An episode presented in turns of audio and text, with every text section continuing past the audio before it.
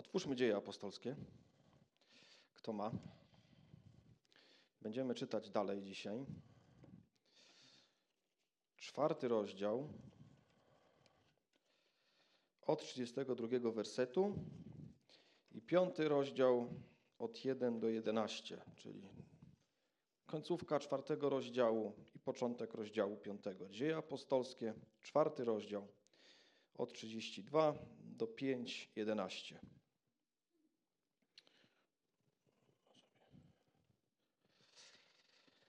A u tych wszystkich wierzących było jedno serce i jedna dusza, i nikt z nich nie nazywał swoim tego, co posiadał, ale wszystko mieli wspólne.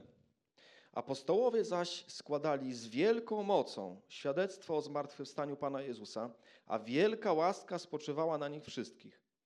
Nie było też między nimi nikogo, który by cierpiał niedostatek, ci bowiem, którzy posiadali ziemię albo domy, Sprzedając je, przynosili pieniądze uzyskane ze sprzedaży i kładli u stóp apostołów i wydzielano każdemu, ile komu było potrzeba.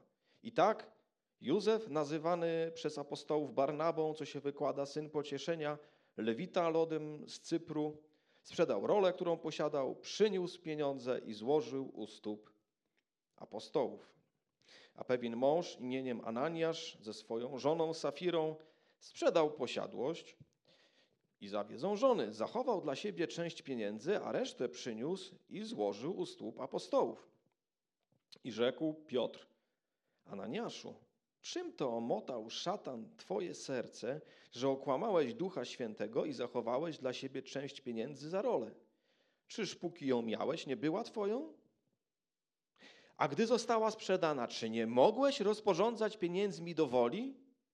Cóż cię skłoniło do tego, żeś tę rzecz dopuścił do swego serca? Nie ludziom skłamałeś, lecz Bogu. Ananiasz zaś, słysząc te słowa, upadł i wyzionął ducha. I wielki strach ogarnął wszystkich, którzy to słyszeli. Młodsi zaś wstali, owinęli go, wynieśli i pogrzebali. A po upływie około trzech godzin nadeszła i żona jego, nie wiedząc, co się stało. I odezwał się do niej Piotr. Powiedz mi, czy za tą cenę sprzedaliście rolę? Ona zaś orzekła, tak jest, za taką. A Piotr do niej, dlaczego zmówiliście się, by kusić ducha pańskiego? Oto nogi tych, którzy pogrzebali męża twego są u drzwi i ciebie wyniosą. I upadła zaraz u nóg jego i wyzionęła ducha. A gdy młodzieńcy weszli, znaleźli ją martwą, wynieśli i pogrzebali obok jej męża. I wielki strach ogarnął cały zbór i wszystkich, którzy to słyszeli. Myślę, że nas też może trochę jakiś strach ogarnął, jak to czytaliśmy. E, nie jest to prosty fragment, jest to Boży fragment. No właśnie, jak myślisz o Bogu? Jak myślisz o Bożym Kościele? Nawet czytając ten fragment, y, jak ta wydarzenia, ewidentnie przez Boga spowodowane w Kościele, jakie wzbudzają w Tobie myśli. Jak jest pierwsza reakcja, która ci się pojawiła, kiedy posłuchałeś czy posłuchałaś o tym, co się wydarzyło w pierwszym kościele? Ten dzisiejszy fragment myślę w trudny sposób, to jest trudny sposób, to nie jest taki naturalny sposób, to nie jest to, co tak nam łatwo przychodzi w taki sposób, y, powiedzmy sobie, że nasze serca łatwo się skłaniają do tego. To nie jest tak. Yy, w trudny sposób, ale przypomina nam o bardzo ważnej rzeczy. Przypomina nam o tym, że Bóg jest święty i Jego Kościół też jest święty. Ten Kościół może nie wygląda na super święty, ale ponieważ Bóg w nim działa, ponieważ Boża obecność jest prawdziwa w Jego Kościele, do którego się On przyznaje, pomimo nas, pomimo tego, że jesteśmy grzeszni, pomimo tego, że bardzo wiele rzeczy nam nie wychodzi, to i Bóg jest święty, i Jego Kościół też jest święty. A przy okazji ten fragment mówi również o wielu innych przywarach naszych, o kłamstwie, o pysze, o chciwości i ostrzega nas. Ostrzega nas, abyśmy się do nich nie przyzwyczajali. I ostrzega nas, żebyśmy nie myśleli, że Bóg tego nie widzi, bo widzi. Z drugiej strony uczy nas, na przykładzie Barnaby, że warto być błogosławieństwem i ufać Bogu. Nawet wtedy, kiedy to wymaga naprawdę radykalnych, odważnych kroków w naszym życiu. Ale taka pierwsza główna myśl podstawowa, którą chciałbym, żebyśmy pamiętali. Kto jest święty? Bóg i Kościół. Pamiętaj, że i Bóg, i Kościół jest święty. To nie jesteśmy tylko my. To nie jesteśmy tylko my. Tak, to jesteśmy my, ale nie tylko my. Bóg jest święty, On jest obecny, dlatego Kościół też jest święty. Kontekst tego fragmentu, tak jak pewnie wiecie, jeśli byliście wcześniej, wczoraj czy tydzień temu słuchaliście kazania, yy, kontekst jest taki, pierwsza zwycięska konfrontacja Kościoła z władzą, o tym czytaliśmy w czwartym rozdziale i w trzecim trochę. I czytaliśmy również o dziękczynnej mocy, dziękczynnej modlitwie pełnej mocy, kiedy Kościół, gdy powrócił Piotr i Jan, naprawdę z wielką taką, można powiedzieć, wdzięcznością, uwielbieniem, zaniósł swoją modlitwę do Boga i Bóg faktycznie odpowiedział w szczególny sposób na tą modlitwę. I to, co jeszcze może warto zwrócić uwagę, że ta modlitwa była modlitwą o Bożą obecność, a nie ludzką wygodę. Tak jak 29 werset mówi, a teraz, Panie, spójrz na pogróżki ich i dozwól sługom Twoim, zwróćcie uwagę, nie aby odpoczywali w Tobie i mieli się dobrze, ale aby głosili z całą odwagą słowo Twoje. Zwróćcie uwagę, że właśnie kiedy Duch Święty prowadzi nas w naszej modlitwie, to my wtedy zaczynamy się modlić nie o samych siebie, ale o Boże sprawy. O te Boże priorytety, co myślę sobie, że jest czymś bardzo ciekawym, kiedy się Czemu wysiadłem? Chyba już wróciłem. E, a więc kiedy właśnie e, Duch Święty nas prowadzi, to wtedy prowadzi nas do swoich priorytetów. I myślę sobie, że to jest czymś bardzo ważnym. Kiedy zastanawiamy się nad naszymi modlitwami, jak je oceniać, to myślę, że no chyba naj, naj, najłatwiej właśnie spoglądać na to, czy weryfikować, o co się modlimy. Jeśli modlimy się o coś więcej, oczywiście mamy prawo się o na, nas samych modlić, ale jeśli potrafimy o coś więcej się pomodlić, jakieś Boże sprawy. To znaczy, że rzeczywiście Duch Święty jest obecny w nas i, i prowadzi nas do dojrzałości, do modlitwy o te rzeczy, które są w Bożym sercu. Ten dzisiejszy fragment ma takie trzy części. Pierwsza chyba najtrudniejsza, chociaż no wszystkie są chyba trudne, poza, poza środkową. Mamy drugi opis Kościoła i tego życia Kościoła, od 32 do 35 wersetu. Potem mamy przykład Barnaby, bardzo pozytywny i myślę, że taki właśnie najbardziej chyba, no, najłatwiej się go czyta. No i potem mamy przykład negatywny Ananiasza i Safiry, który jest trudny, który jest trudny na kilku różnych poziomach, chociaż myślę sobie, że, że też będziemy w stanie go jakoś e, rozsądnie zrozumieć i że nam Pan Bóg w tym pomoże. A więc najpierw zastanówmy się nad tym drugim opisem życia Kościoła. Ten pierwszy, czytaliśmy o nim w drugim rozdziale, od 42 do 47 właśnie o tym, co dzisiaj też Ksawery powiedział, że trwali w nauce apostolskiej i we wspólnocie, w łamaniu chleba i w modlitwach. I tam już się pojawia ten wątek taki dosyć, yy, może tak, pojawia się wątek, ja bym tak to podsumował, działań zrozumiałych i niezrozumiałych Kościoła. Yy, zacznę może od tych zrozumiałych działań Kościoła, które no, wzbudzają naszą radość, wdzięczność i od, których chętnie się uczymy i nie jest to zbyt skomplikowane. E, o czym czytamy w wersecie 32? Czytamy, że u wszystkich było jedno serce jedna dusza. U wszystkich wierzących było jedno serce jedna dusza. I myślę sobie, że jest to coś takiego, co, e, no, co odczuwamy. Mam nadzieję, że wszyscy mamy doświadczenie takie, że kiedy się nawracamy, kiedy przychodzimy do Boga, kiedy przychodzimy do zboru, to pomimo tego, że jesteśmy tak bardzo różni, i możemy być różni w perspektywie narodowej, i możemy być, różni w perspektywie naszego wieku, i w perspektywie bagażu doświadczeń, i w perspektywie pochodzenia, i w perspektywie no, bardzo różnych rzeczy, stanu majątkowego, wykształcenia, no bardzo, bardzo różnych rzeczy, ale zwróćcie uwagę, że coś wyjątkowego się dzieje, kiedy faktycznie, faktycznie łączy nas yy, Ewangelia, faktycznie łączy nas uwielbienie Boga, faktycznie łączy nas pragnienie służenia Mu naszym życiem, co się dzieje, myślę, że pojawi się dokładnie to, co się pojawiło u nich.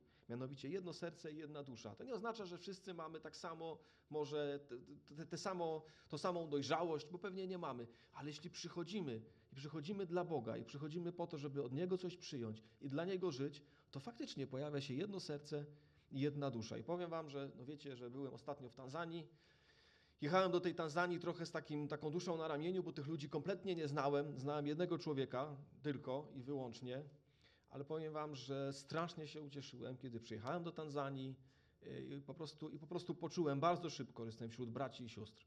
Po prostu. Pomimo tego, że w życiu ich nie znałem, To nie jest, to nie są, to nie jest nasz kościół, y, to są ludzie kompletnie mi nieznani, inny, inny świat, wszystko trochę inne, jakaś Tanzania, o której w życiu nie, nie słyszałem, ale okazuje się, że co? Że kiedy przychodzimy, kiedy się modlimy, kiedy się spotykamy, kiedy rozmawiamy, to pojawia się dokładnie to, co się pojawia tutaj. Jedno serce i jedna dusza. Czujemy się jedno w Jezusie Chrystusie dzięki temu, że Jego łaska dotyka i nas, nas wszystkich po prostu. Także mm, szczególny dar bliskości dzieci Bożych dzięki działaniu Bożej łaski. Yy, I taka jedna prosta myśl, bądźmy za to wdzięczni. Jeśli czujesz to, jeśli tego doświadczasz, to bądź wdzięczny za to. A jeśli tego nie czujesz i nie doświadczasz, to się trochę może warto zastanowić, z jakiego powodu tego czegoś nie doświadczasz. I teraz znowu nie chodzi o to teraz, żeby się jakoś oskarżać, nie o to chodzi, ale może chodzi o to, żebyśmy się zastanowili, czy faktycznie tego Królestwa Bożego szukamy, Jego sprawiedliwości szukamy, bo jeśli szukamy, to powinniśmy odnaleźć, a jeśli odnajdujemy, to powinniśmy to poczuć. Także myślę, że taka jest pewna logika tego wersetu. Druga rzecz, o takiej, takie zrozumiałe działanie w tym opisie życia Kościoła, no to siła świadectwa, świadectwa apostołów, werset 33, szczególne potwierdzenie obecności Bożej pośród Kościoła. Apostołowie składali z wielką mocą świadectwo o zmartwychwstaniu Pana Jezusa. Wielka łaska spoczywała na nich wszystkich. Co to oznacza? To oznacza, że Bóg naprawdę używał.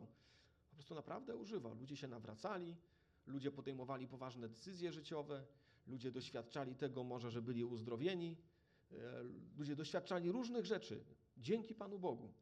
I faktycznie, popatrzcie, jak to jest wielkim błogosławieństwem, kiedy, kiedy po prostu ta obecność Boża jest odczuwana. Nie zawsze może jest odczuwana tak samo mocno, pewnie nie, pewnie też nie każdego tygodnia, czy nie każdego dnia był jakiś cud, bo to też wtedy by spowszedniało. Nie sądzę, że Bóg w taki sposób działa, ale generalnie doświadczali tego, że Bóg był faktycznie obecny pośród nich. I myślę sobie, że to jest największe bogactwo, którego nikt nie może Kościołowi odebrać. To jest właśnie to, że Bóg działa. Niezależnie od tego, jakby Kościół nie był biedny, jakby nie był prześladowany, jakby nie był, można powiedzieć, z takiej perspektywy ludzkiej słaby i kruchy, to jeśli faktycznie ten Kościół trwa przy Bogu, to Bóg jest obecny i, i tego nikt nie może Kościołowi zabrać i nikt nie może tego w jakiś sposób Kościołowi e, za, jakby zaprzeczyć, jakby wyjąć z Kościoła tego, bo to po prostu jest naszym błogosławieństwem. I znowu myślę sobie, że jest to e, spełnienie obietnicy, e, obietnicy między innymi na przykład z Ewangelii Łukasza, 12 rozdział, 11 i 12 werset. Ewangelia Łukasza, 12 rozdział, 11 i 12 werset mówi tak. E, A gdy was wodzić będą do synagog, do urzędów i do władz, no mamy się troszczyć, czy się mamy nie troszczyć? Mamy się nie troszczyć. A dlaczego? Duch Święty bowiem pouczy was w tej właśnie godzinie, co trzeba mówić. Popatrzcie, przed chwilą w czwartym rozdziale właśnie czytaliśmy o tym, że Piotr i Jan, prości ludzie, byli przed wielką radą, najwięksi teolodzy, najwięksi przywódcy, najbardziej doświadczeni. Można powiedzieć, ta konfrontacja mogła wyglądać na taką konfrontację przegraną. I co się okazało? Bóg był z nimi i przyznał się do nich. I tak naprawdę odeszli jak niepyszni, ta cała rada odeszła jak niepyszna, a nie Piotr i Jan. I, I, myślę sobie, że jest znowu, jest to czymś wspaniałym, czymś dobrym, czymś chwalebnym, że po prostu jako Kościół mamy tą wielką obietnicę. Jeśli my polegamy na Bogu, On będzie działał, On będzie obecny. I to nie będzie tak, że my po prostu jesteśmy ograniczeni do naszej własnej siły, dlatego że nasza siła nie jest w naszej własnej sile.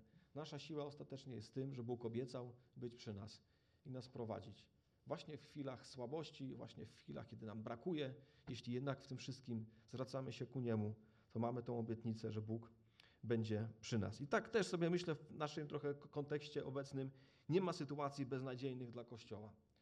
Słuchajcie, nie ma sytuacji beznadziejnych dla Kościoła. I myślę sobie, że to trzeba uwierzyć, to nie jest proste, to nie jest tak, że wiecie, nam się to narzuca jakoś dzisiaj.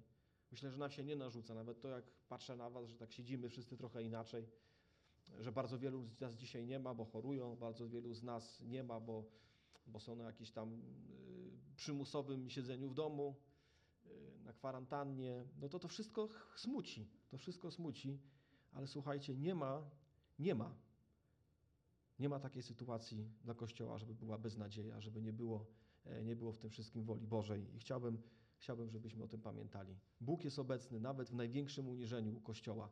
O ile Kościół oczywiście jest posłuszny, szuka Chrystusa i, chce żyć z Nim i dla Niego.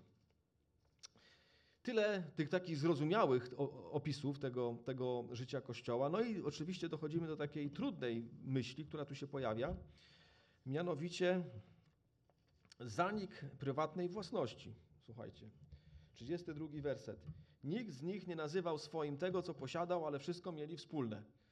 Trochę brzmi jak taki ideał z komunizmu. Nie wiem, czy pamiętacie, y, czym się miał komunizm zakończyć? Powszechną szczęśliwością, ale jak ta powszechna szczęśliwość miała, na czym ona miała polegać? No właśnie na tym, że nikt nie nazywał swoim tego, co posiada, ale wszystko mają wspólne. Co ciekawe, nigdy komunizm do tego nie doszedł, a tu Kościół na samym początku doszedł, co myślę, że w jakiś sposób pokazuje, że to komunizm nie, nie był w stanie zrealizować tego, co obiecywał. No ale słuchajcie, jakby na to nie patrzeć, no i trochę dziwnie to brzmi. Nie wiem, czy wam to dziwnie brzmi, mi to dziwnie brzmi. Wam też? Dlaczego tak nie robimy w naszym zborze? Może powinniśmy. Piotr, dobra? Co ty na to? Ksawery, cieszyłbyś się? Jesteście otwarci na to? Alleluja? Chyba tak średnio. Słuchajcie, no to, no to zmierzmy się z tym, a to nie koniec. 32 to tylko kawałek. Yy, co się dzieje w wersecie 33? Przepraszam, 34. Nie było też między nimi nikogo, kto by cierpiał niedostatek, bo co? Bo ludzie przychodzili, posiadając ziemię albo domy, sprzedawali je i po prostu kładli u stół apostołu, werset 35. Wydzierano każdemu, ile było komu potrzeba. No jednemu było potrzeba na przykład nowy samochód i co mu wyrobili? Wydzielali. A drugiemu było potrzeba y, suchy chlebek i co robili? Wydzielali. Tak to wyglądało? No pewnie nie, ale zwróćcie uwagę, że od razu nam się taki włącza chyba taki potężny taki znak zapytania albo takie światło ostrzegawcze. Co to znaczy? Każdemu według y, potrzeb. Y, no właśnie. Jak to jest, słuchajcie, jak to zrozumieć? No i powiem wam tak. Zadam sobie takie pytanie. Co sprawia, że tak nie postępujemy?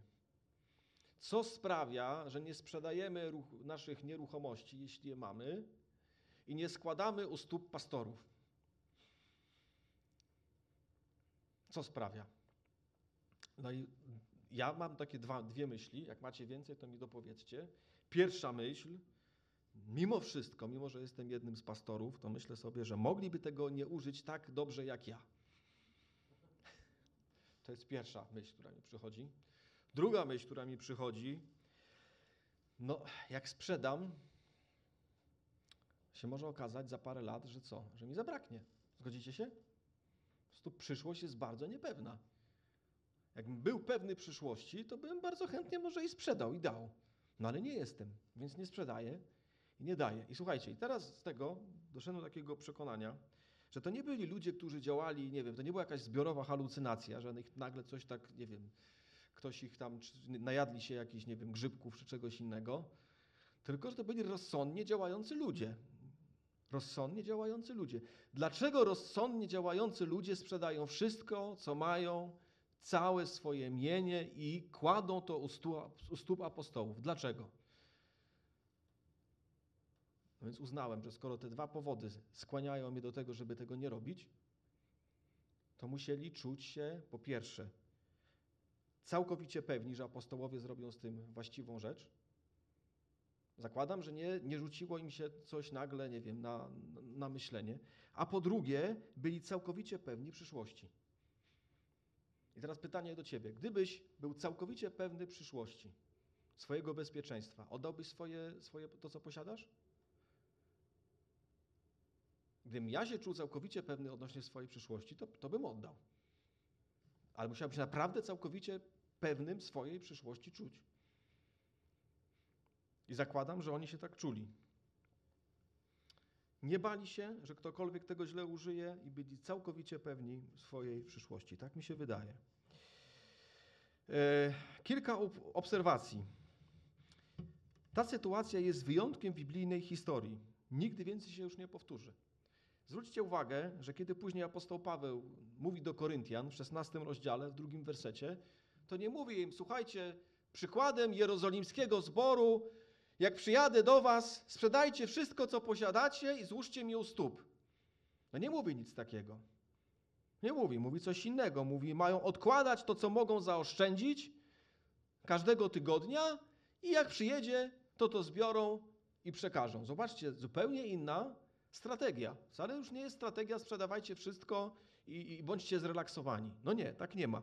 Kiedy w Filipian czwartym rozdziale apostoł Paweł mówi do Filipian, którzy mu pomagali w służbie, to znowu nie mówi im, a w ogóle to powinniście wziąć przykład z Jerozolimy i po prostu wszystko sprzedać. No nie mówi im tak.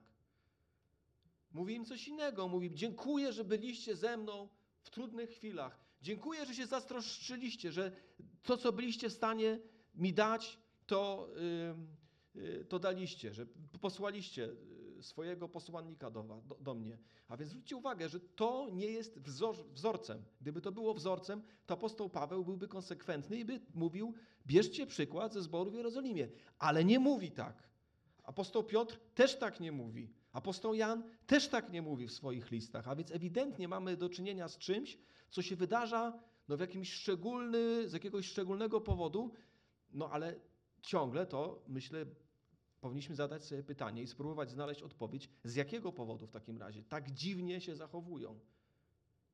Jakie wnioski powinniśmy z tego wyciągnąć? A więc co się wydarzyło? Dlaczego tak, tak się zachowali?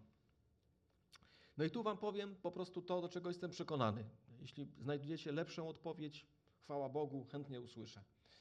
Moje przekonanie jest takie: był to proroczy znak natury nowego przymierza, który właśnie jako Kościół, które to przymierze właśnie jako Kościół w tym momencie się rozpoczynało. To pewien proroczy znak tego, co jest ważne, co jest priorytetem, co jest wartością i miało się wydarzyć, ale miało się wydarzyć jako właśnie proroczy znak, a nie jako norma i zasada, w sensie, że wszyscy zawsze mamy w taki sposób postępować.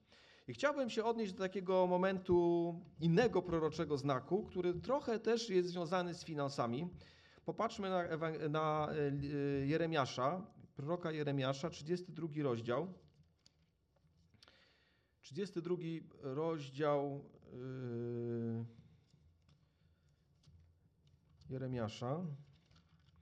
Mamy tutaj taki bardzo, bardzo przykry moment w historii Izraela, kiedy generalnie, słuchajcie, nie ma nic. Izrael jest najechany, nie ma żadnych instytucji, większość ludzi już yy, gdzieś tam yy, doświadcza cierpienia.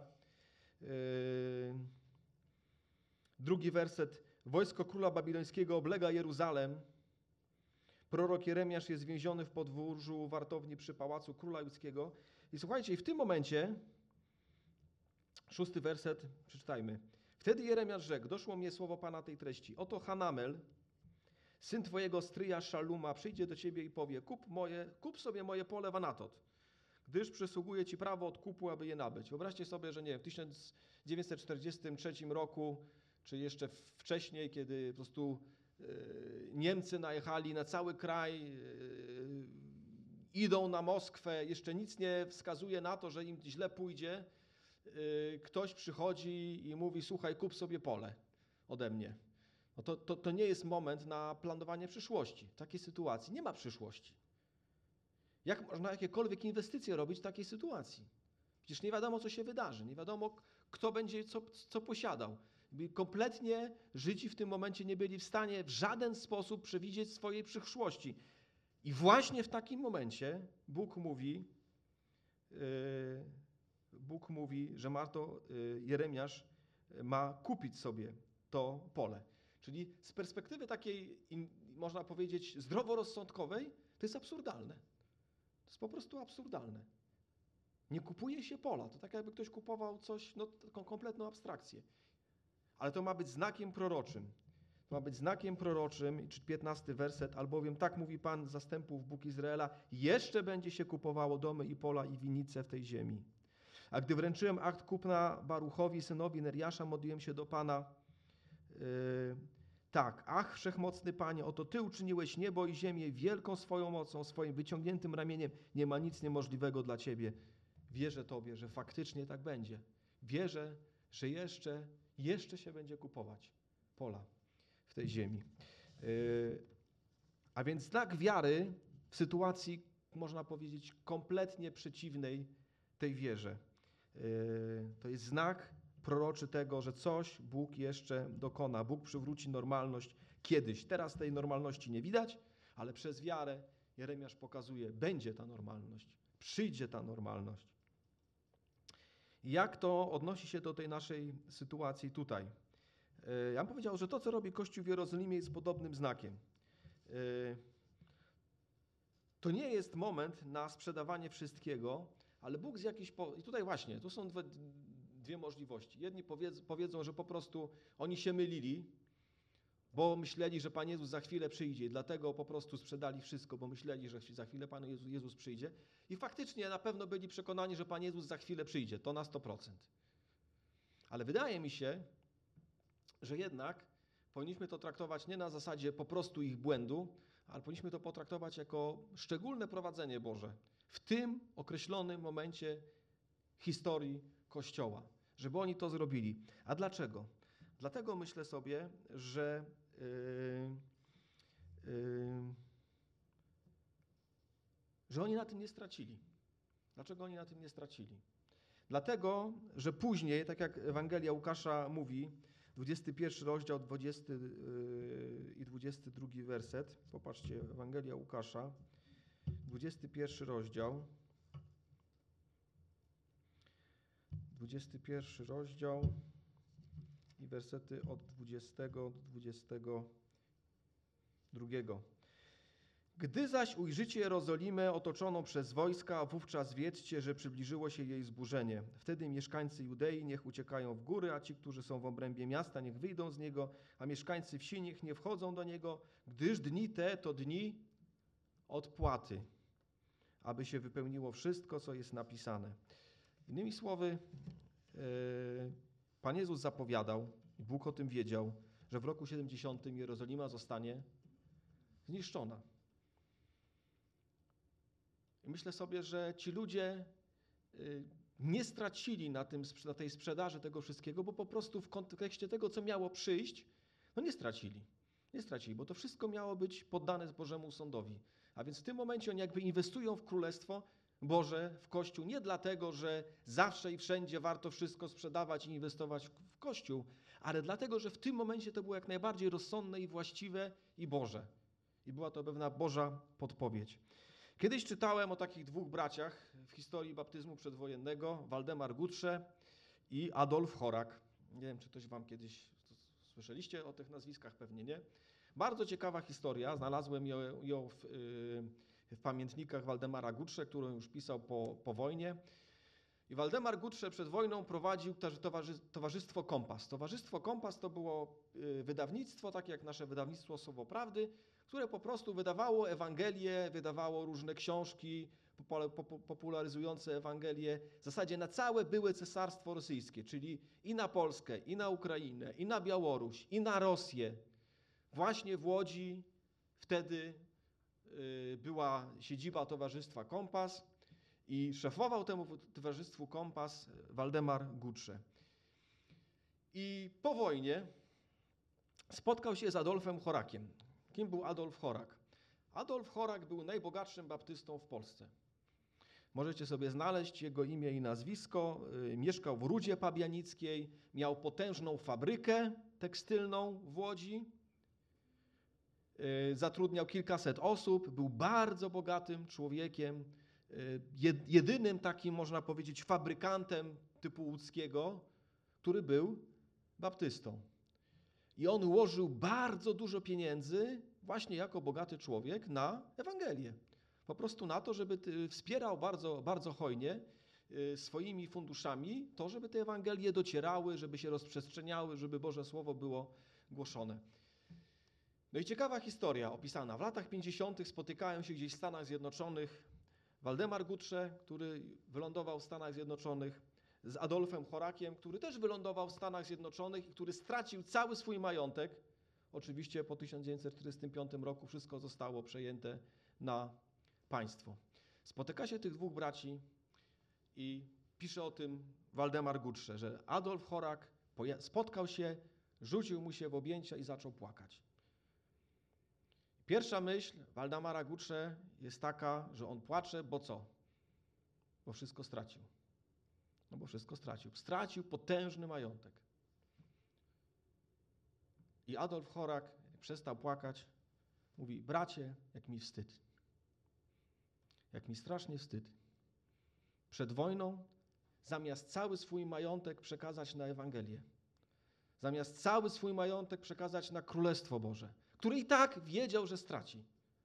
Zamiast tego przestałem przed wojną, bając, bojąc się, przestałem wspierać właśnie dzieło, dzieło wspierania Ewangelii, głoszenia Ewangelii, żeby zabezpieczyć swój majątek i wszystko straciłem. Tak mi strasznie wstyd.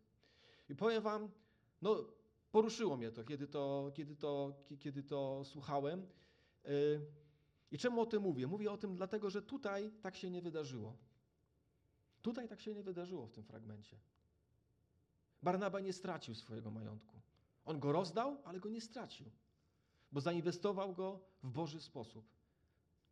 Bo zainwestował go we właściwym momencie w to, co należało zainwestować. To jest moja odpowiedź. Czy ona jest prawdziwa? Rozważcie. Wydaje mi się, wydaje mi się, że, że warto się nad nią zastanowić. Yy... A więc to nie jest norma postępowania. Zwróćcie uwagę to, co powiedziałem. Nigdzie nie czytamy w Piśmie Świętym, zawsze tak postępujcie. Nie ma takiego stwierdzenia. Ale czy to było od Boga? Myślę, że było od Boga. Wymagało wiary, kolosalnej wiary wymagało. Kolosalnej wiary wymagało. Przyniosło wielkie Boże błogosławieństwo i było znakiem tego, że Kościół ma się opierać na Bogu, a nie tylko i wyłącznie na własnym rozsądku, nie tylko i wyłącznie na czysto ludzkich kalkulacjach, ale na tym, że Bóg prowadzi do pewnych trudnych, czasami dziwnych, zaskakujących, nieprawdopodobnych, wymagającej wielkiej wiary decyzji. I to jest w porządku. I to jest w porządku. I to jest właściwe. I to, I to akurat jest normą. To jest pewną zasadą, którą powinniśmy z tego wyciągnąć. A więc, czy ufamy Bogu? Kto czy co jest fundamentem naszego życia? Czasami Bóg nas prowadzi do dziwnych decyzji. Ja nie chcę nikomu mówić, zrób tak, zrób inaczej, ale myślę sobie, że są takie chwile, tak jak u tego choraka, że możemy wybrać nie tak, jak powinniśmy. Chociaż wydaje się bardzo rozsądne to, co, to, co robimy. I tu się pojawia, słuchajcie, jako drugi punkt, 36-37 werset, przykład Barnaby. Dobry przykład. Przykład człowieka, który właśnie postąpił tak, jak powinien. Słowo Barnaba oznacza syna przymierza, a, czy syna proroctwa, ale tłumaczony jest przez Łukasza jako syn parakletowania, czyli syn pocieszania. Ewidentnie był to człowiek, który był szczególnym darem dla Kościoła w tamtym momencie. Co ciekawe, został nazwany Barnabą przez apostołów, co też zwróćcie uwagę, no, apostołowie pewnie wszystkich spośród tych kilku tysięcy ludzi wierzących nie nazywali w jakiś sposób. A więc myślał, myślę, że to musiała być szczególna postać w tym pierwszym kościele. Klemens Aleksandryjski to jest człowiek, który gdzieś tam żył na początku II wieku, podpowiada nam, że on był jednym z 70. Nie wiemy oczywiście tego, ale z tego by wynikało, że był członkiem Sanhedrynu. Generalnie, kiedy patrzymy na to, kim on był, jak był szanowany, ewidentnie był kimś bardzo ważnym i bardzo szanowanym. I dla tego kościoła, dla tego kościoła bardzo często złożonego może z jakichś Galilejczyków, z jakichś rybaków, z jakichś takich, słuchajcie, ludzi niekoniecznie bardzo wysoko postawionych, taki Barnaba, który przychodzi, stawia wszystko na jedną kartę, jednoznacznie się utożsamia z tym nowo powstającym zgromadzeniem nowego przymierza, ewidentnie musiał być wielką zachętą. Popatrzcie, mamy Barnabę, jest jednym z nas, działa w taki sposób, nie boi się, podejmuje decyzje, zachęca, jest kimś szczególnym, należy do nas. Myślę sobie, że, że to musiało być wielką, yy, wielką radością dla wielu braci, dla wielu sióstr tego pierwszego yy, kościoła. Yy, a więc wszedł i wprowadził błogosławieństwo. I myślę sobie, że kiedy patrzę na niego, to tak sobie pomyślałem, że ktoś, kto był ważny, bo ewidentnie on był ważny, już nie, nie wchodząc w szczegóły, czy na pewno był w tym Sanhedrynie, czy nie, ale był kimś ważnym, był kimś majętnym, był kimś istotnym. Dla takich ludzi ważnych bycie błogosławieństwem dla Kościoła zawsze kosztuje. Bo, Bar, bo Bar- Barnabę to rzeczywiście kosztowało, bo on później e, kim się stał? No, jakby zanim jeszcze nawet ten sąd Boży w roku 70 spadł na Jerozolimę, to przecież on gdzieś tam się pojawia w Antiochii, jeszcze o nim będziemy czytać. A więc to jest człowiek, który wybrał zupełnie nowy styl życia, jakby cały stary styl życia pozostawił, wszystko postawił na jedną kartę, żeby pójść za Bogiem. Yy, stracił czy zyskał? Popatrzcie, nie? Jaki, jaka ilustracja tego, co Pan Jezus mówi. Kto by chciał swoje życie zachować, straci je. A kto by stracił je dla mnie, odnajdzie je. Myślę sobie, że w jakimś sensie tak jest. I, im, bardziej może czujemy się gdzieś związani z naszym życiem, im bardziej czujemy, że coś tracimy, tym bardziej nam się wydaje, że to jest cena, której nie powinniśmy zapłacić. Ale czy faktycznie?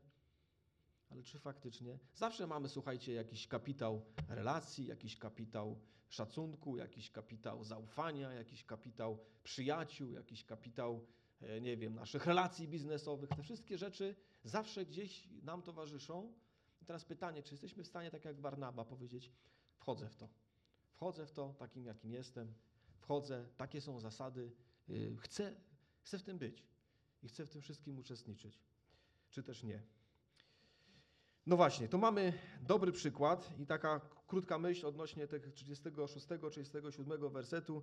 Bycie błogosławieństwem kosztuje, ale się opłaca. Bycie błogosławieństwem kosztuje, ale się opłaca. Dobrze być Barnabą, dobrze tak wchodzić w wiarę, dobrze tak wchodzić w Bożą rzeczywistość, jak, jak uczynił to yy, Barnaba.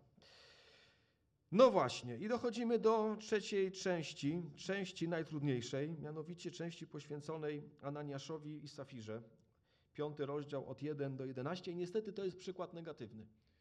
O ile Barnaba jest tym przykładem pozytywnym, przypominam, najpierw mamy to, co się działo w Kościele, mamy pewien moment w historii Kościoła, który wymaga pewnej określonej postawy. Mamy przykład pozytywny, to jest Barnaba i mamy przykład negatywny i to jest Ananiasz i Safira. I co się wydarzyło z Ananiaszem i Safirą? Najprawdopodobniej również byli ludźmi dosyć majętnymi, dosyć wysoko postawionymi, ludźmi znanymi. No mieli coś do sprzedania, słuchajcie. Tak? Mieli też majątek do sprzedania. Yy, Wygląda na to, że to byli yy, Ananiasz to jest yy, imię greckie, ale jakby grecka forma żydowskiego, czyli też prawdopodobnie pochodzi z jakiejś wyższej sfery. Safira, y, przyjemna, piękna, y, no prawdopodobnie byli właśnie osobami, które również były dosyć majętne. I co tu się dzieje?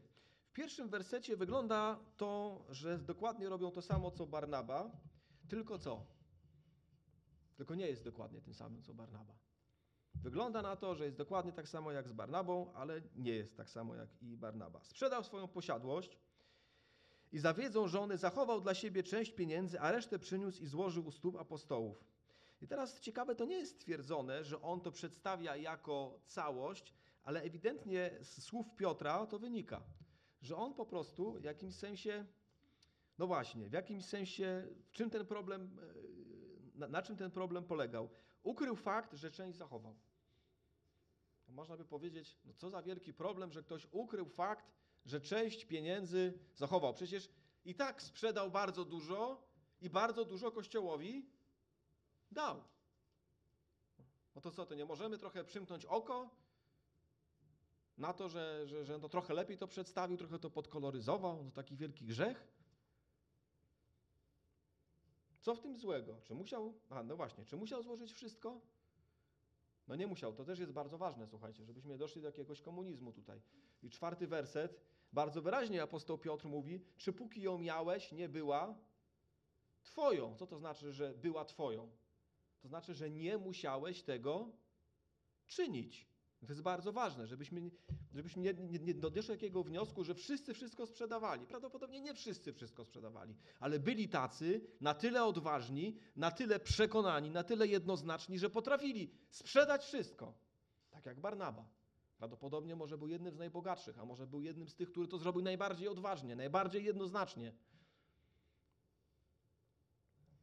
Ale nie wszyscy musieli tak zrobić. Czyż póki ją miałeś, nie była twoją? A gdy została sprzedana, mówi apostoł Piotr, czy nie mogłeś rozporządzać pieniędzmi do woli, czyli wedle swego uznania? Mógł czy nie mógł? No ewidentnie Piotr stwierdza, że mógł. Mogłeś. Mogłeś, Ananiaszu, nie było problemu. Mogłeś sprzedać całą rolę i sobie 50% zachować. Albo 20, albo 80. Nie ma problemu. Nie ma problemu. Kiedy się problem pojawia? Problem się pojawia wtedy, kiedy zaczynasz kłamać. Wtedy się zaczyna problem. Bardzo ważna rzecz. Nie wtedy, kiedy coś tam sobie zachowujesz, nie wtedy, kiedy wybierasz dać tyle bądź jakąś inną liczbę, ale wtedy, kiedy zaczynasz oszukiwać. Wtedy, kiedy zaczynasz oszukiwać. A więc sprzedał wszystko, oddał część, ale chciał wyglądać jak Barnaba. Chciał wyglądać jak Barnaba. Chciał tego samego zaufania, tego samego może szacunku, może tego samego podziwu, może tego samego, e, tej samej reakcji, bo pewnie wszyscy patrzyli, patrz, to jest ten Barnaba, który został, cały ten majątek sprzedał. Ja cię kręcę, jaki facet. No tak pewnie niektórzy myśleli. Ja też bym tak myślał. Mi się zaczął zastanawiać, a co, a co ze mną? Może ja też powinienem tego małego Fiata sprzedać. Żartuję sobie, bo dzisiaj nikt małym Fiatem nie jeździ, ale no tak pewnie w porównaniu do tego, co on sprzedał, to cokolwiek ja mam, to tak trochę może podobnie wyglądało. To był człowiek, który rzeczywiście wyznaczył pewien standard i, i, i ciężko było obojętnie wokół, wobec niego przejść. I mamy Ananiasza i Safira i mówią, no dobra, no to, to, to, to my pójdziemy za nim. No ale nie pójdziemy do końca za nim. Ale pójdziemy za nim, ale chcemy, ale chcemy, żeby to było tak ładnie, tak samo wyglądało jak, jak u niego. Na czym więc można powiedzieć jeszcze ten problem wyglądał? Powiedział, że problem polega na zmąconej wierze, która nie chce się do tego przyznać i przedstawia się jako czysta. Bo gdyby oni uczciwie powiedzieli, sprzedaliśmy całość, połowę sobie zostawiliśmy, połowę oddaliśmy na kościół. Czy to by robiło wrażenie na ludziach? Myślę, że dalej, no słuchajcie, to, to, to, to są kolosalne sumy. Jakieś tam porządna ziemia pod Jerozolimą. To, to, to nie jest byle co. Tak jakbyście tutaj dzisiaj pięć działek sprzedali w radości. Jakby ktoś pięć działek w radości sprzedał i połowę dał na zbór, to co? Myślę, że wszyscy bylibyśmy pod wrażeniem.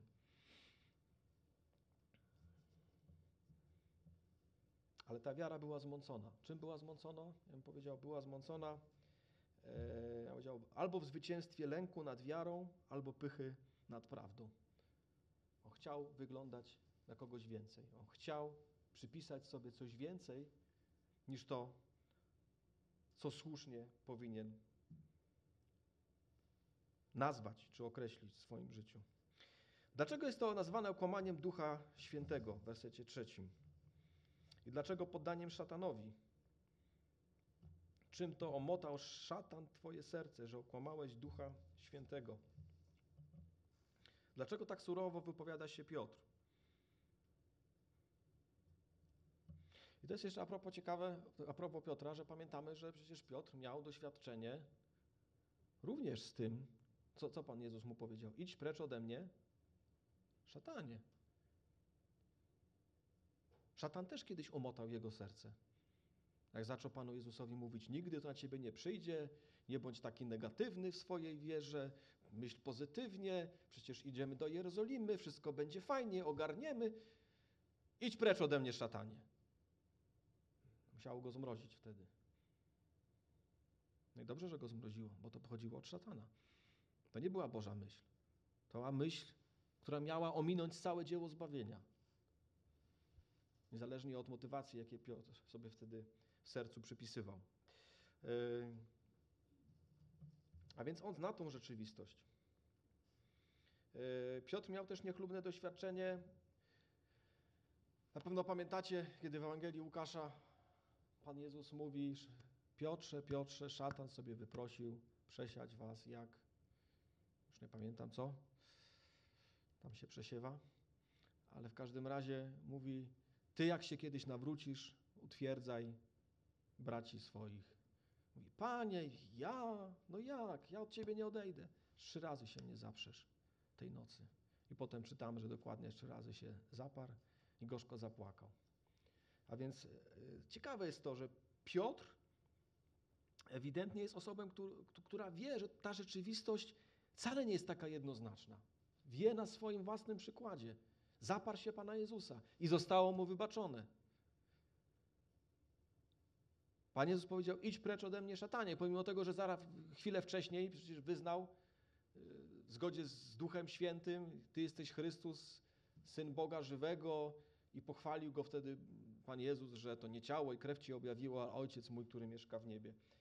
A więc on zna to, że to wcale wiara nie jest taka oczywista, wcale nie jest taka jasna, taka czysta, taka zawsze prze, prze, przeźroczysta, transparentna. On o tym wszystkim wie, dlaczego tak mówi. E, Ja myślę, że to nie była decyzja Piotra osobiście. To nie była decyzja Piotra. Piotr po prostu wie, ewidentnie wie w jakiś ponadnaturalny sposób, z jakiegoś ponadnaturalnego źródła, że tak właśnie się wydarzy. Jeśli chodzi jeszcze o Ananiasza, jak popatrzymy na to, co tu się dzieje w wersecie y, piątym, Ananiasz zaś słysząc te słowa upadł i wyzionął ducha, to nie jest takie oczywiste, że Piotr wie, co nastąpi. Ale kiedy czytamy później o, y, o Safirze, y, w dziewiątym wersecie, oto nogi tych, którzy pogrzebali męża Twego są u drzwi, to on mówi i Ciebie wyniosą. No skąd on o tym wie? Skąd on o tym wie? Ja myślę, że tylko od Boga może wiedzieć. Od Boga, który po prostu mu powiedział, że to tak nastąpi, tak się to skończy. A więc myślę sobie, że to nie jest tak, że tutaj mamy Piotra, który jest taki nonszalancki, taki wyluzowany, bo on jest tym duchowym, on jest tym, który takich problemów nie ma, on jest tym, który nigdy nie ma problemu ze zmąceniem w sercu. Nie, to nie jest na tej zasadzie. To nie jest na tej zasadzie, ale Bóg mu objawił, co się wydarzy. I on robi to, co musi zrobić. Ten fragment, myślę, też pokazuje w jakiś sposób to, co apostoł Paweł później opisuje w 1 Koryntian 14 rozdział. 1 Koryntian 14 rozdział 24-25. Już nie wchodzę o kontekst, kontekstem są języki i prorokowanie. W każdym razie 24 werset mówi, jeśli wszyscy prorokują, a wejdzie jakiś niewierzący albo zwykły wierny, wszyscy go badają, wszyscy go osądzają, skrytości serca jego wychodzą na jaw, wtedy upatrzy na twarz, odda pokłon Bogu i wyzna, prawdziwie Bóg jest pośród was. Powiem tak, niezależnie od tego, jakie mamy zrozumienie proroctwa dzisiaj, ja bym powiedział, że to się bardzo często zdarza, nawet jak ktoś po prostu zwykle głosi Słowo Boże z kazania, że to kazanie trafia komuś w serce, trafia konkretnie w ten moment, w którym jest w jego życiu i to po prostu jest Boże dotknięcie i ten człowiek dotknięty przez Ducha Świętego po prostu wyznaje, to jest ten moment. To jest ten moment. To jest Bóg, który przychodzi, który konfrontuje, który nazywa, który definiuje, który zmusza mnie przez to, co słyszę, do określonego działania, do określonej decyzji, do określonej postawy. Czy tak się dzieje? Dzieje się. Dzieje się. A więc to jest pewien przykład, można powiedzieć taki archetyp, początek tego, że właśnie w taki sposób Pan Bóg działa. A więc czym jest, co jest tak naprawdę, co jest złego w Ananiasze i Safirze? Ja bym powiedział, on zaprzeczył Bożej obecności w Kościele przez swoje zarozumiałe przekonanie, że można Kościół oszukać. Przez swoje zarozumiałe przekonanie, że można Kościół oszukać.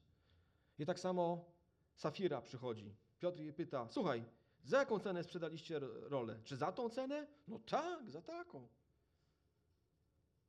I nagle się rzeczywistość kompletnie, kompletnie zmienia dla niej. Dlaczego zmówiliście się, by kusić ducha pańskiego? Myślę, że nie była przygotowana kompletnie na to, co się wydarzyło. Można by zapytać, dlaczego Pan Bóg tak surowo, w tak twardy, w tak jednoznaczny sposób wybrał zadziałać. Ja bym powiedział yy, znowu, tak jak było to wcześniej z tymi, z tymi pieniędzmi. To jest pewien proroczy znak dla Kościoła. Bóg zna Twoje serce, Bóg Ciebie widzi. Bóg nie działa za każdym razem, kiedy okazujemy się obłudnikami i hipokrytami w ten sam sposób, bo co by się wydarzyło? Bo by nas tu wszystkich nie było, słuchajcie. Wszyscy, wszyscy byśmy dawno już leżeli i tylko by zbierali świeżo po, po nawróceniu, tam kilka miesięcy, może ktoś by zdzierżył i, i koniec, i byśmy lądowali w grobie. Ale o czym nas ten obraz uczy? O świętości. O świętości Boga i o świętości Kościoła. Nie oszukuj w Kościele. Bo Kościół, pomimo całej swojej słabości, pomimo tego, że nie jest prowadzony przez jakichś jedynych, chwalebnych, najczystszych ludzi, pomimo tego, że członkowie są tacy, jacy są, jest święty. Jest święty. Bo Bóg, który prowadzi Kościół, bo Bóg, który się przyznaje w łasce Bożej dzięki ofierze Jezusa Chrystusa do nas, jest święty.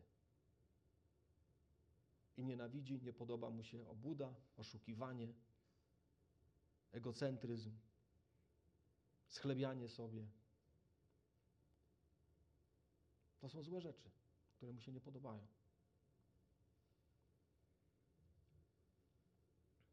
Ewangelia Łukasza, ósmy rozdział, 17 werset. Ewangelia Łukasza, ósmy rozdział, 17 werset.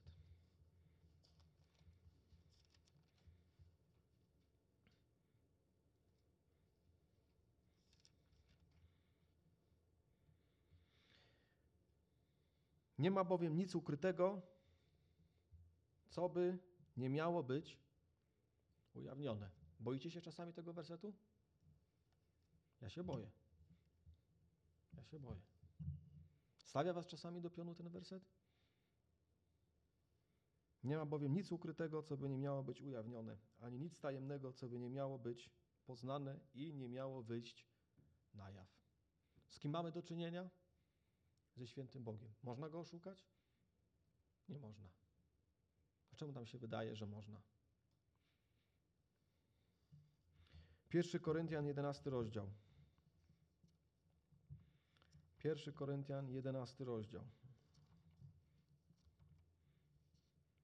Od 27 do 32. Też dzisiaj fragment pomijany.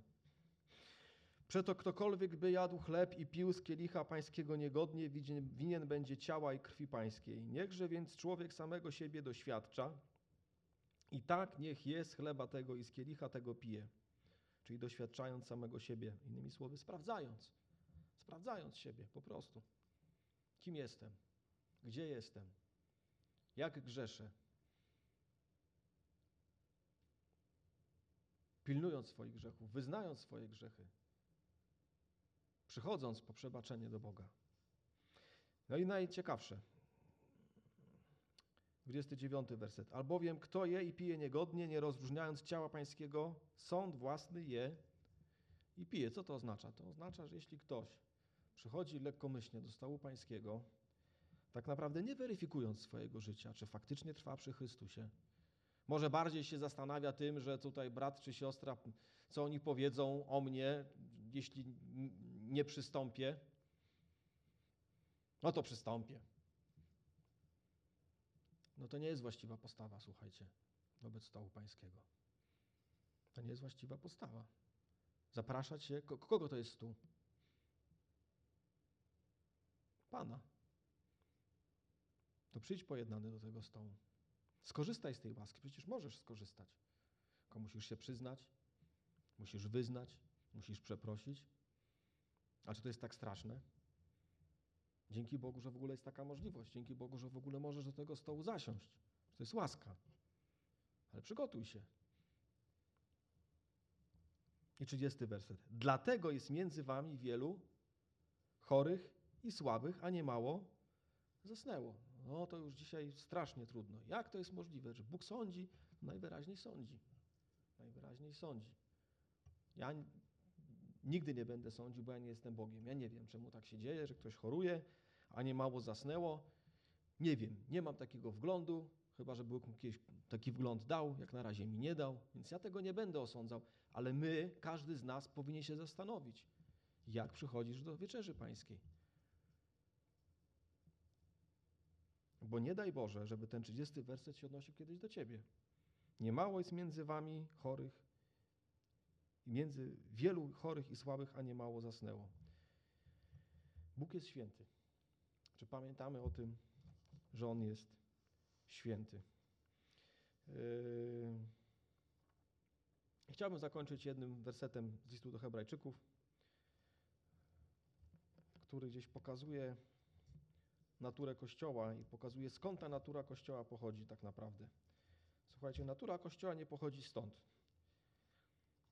Natura Kościoła pochodzi z miejsca, z którym się łączymy dzięki łasce Bożej. Kiedy się modlimy, kiedy śpiewamy, kiedy chwalimy Boga, kiedy On do nas przemawia, kiedy trwamy w Jego obecności, to ta natura Kościoła pochodzi właśnie z tego miejsca i to miejsce jest opisane w liście do Hebrajczyków, 12 rozdział od 18 wersetu. Wy nie podeszliście bowiem do góry, której można dotknąć do płonącego ognia, mroku, ciemności i burzy. Chodzi o obraz starotestamentowy, kiedy Bóg zszedł pośród Izraelitów na górę Syjon. Co oczywiście było przerażające. Ani do dźwięku trąby i głośnych słów, na których odgłos ci, którzy je słyszeli, prosili, aby już do nich nie przemawiano. Nie mogli bowiem znieść nakazu. 21 werset. A tak straszne było to zjawisko, iż Mojżesz powiedział: Jestem przerażony i drżący. Lecz wy podeszliście do góry Syjon i do miasta Boga Żywego, do Jeruzalem Niebieskiego, do niezliczonej rzeszy aniołów, do uroczystego zgromadzenia, można powiedzieć, do uroczystego nabożeństwa podeszliśmy. Zebrania pierworodnych, którzy są zapisani, zapisani w niebie, i do Boga, sędziego wszystkich, i do duchów ludzi sprawiedliwych, którzy osiągnęli doskonałość, i do pośrednika nowego przymierza, Jezusa, i do krwi, którą się kropi, a która przemawia lepiej niż krew Abla. Co to oznacza? To oznacza bardzo prostą myśl, że kiedy uwielbiamy Boga, to w jakiś tajemniczy sposób przekraczamy tą rzeczywistość tylko i wyłącznie naszego zboru, tylko i wyłącznie tego naszego e, małej grupki, zdziesiątkowanej i tak dzisiaj. Ale tam, gdzie dwóch lub trzech zgromadza się w imię Boże, tam łączymy się w jakiś tajemniczy sposób z tym uwielbieniem, z tym nabożeństwem, z tym chwalebnym zgromadzeniem, gdzie są aniołowie, gdzie są ci wszyscy ludzie, którzy już dobiegli przed tronem Bożym, czekają na ten ostateczny powrót Chrystusa, na rozstrzygnięcie tego wszystkiego. To wszystko tam gdzieś jest.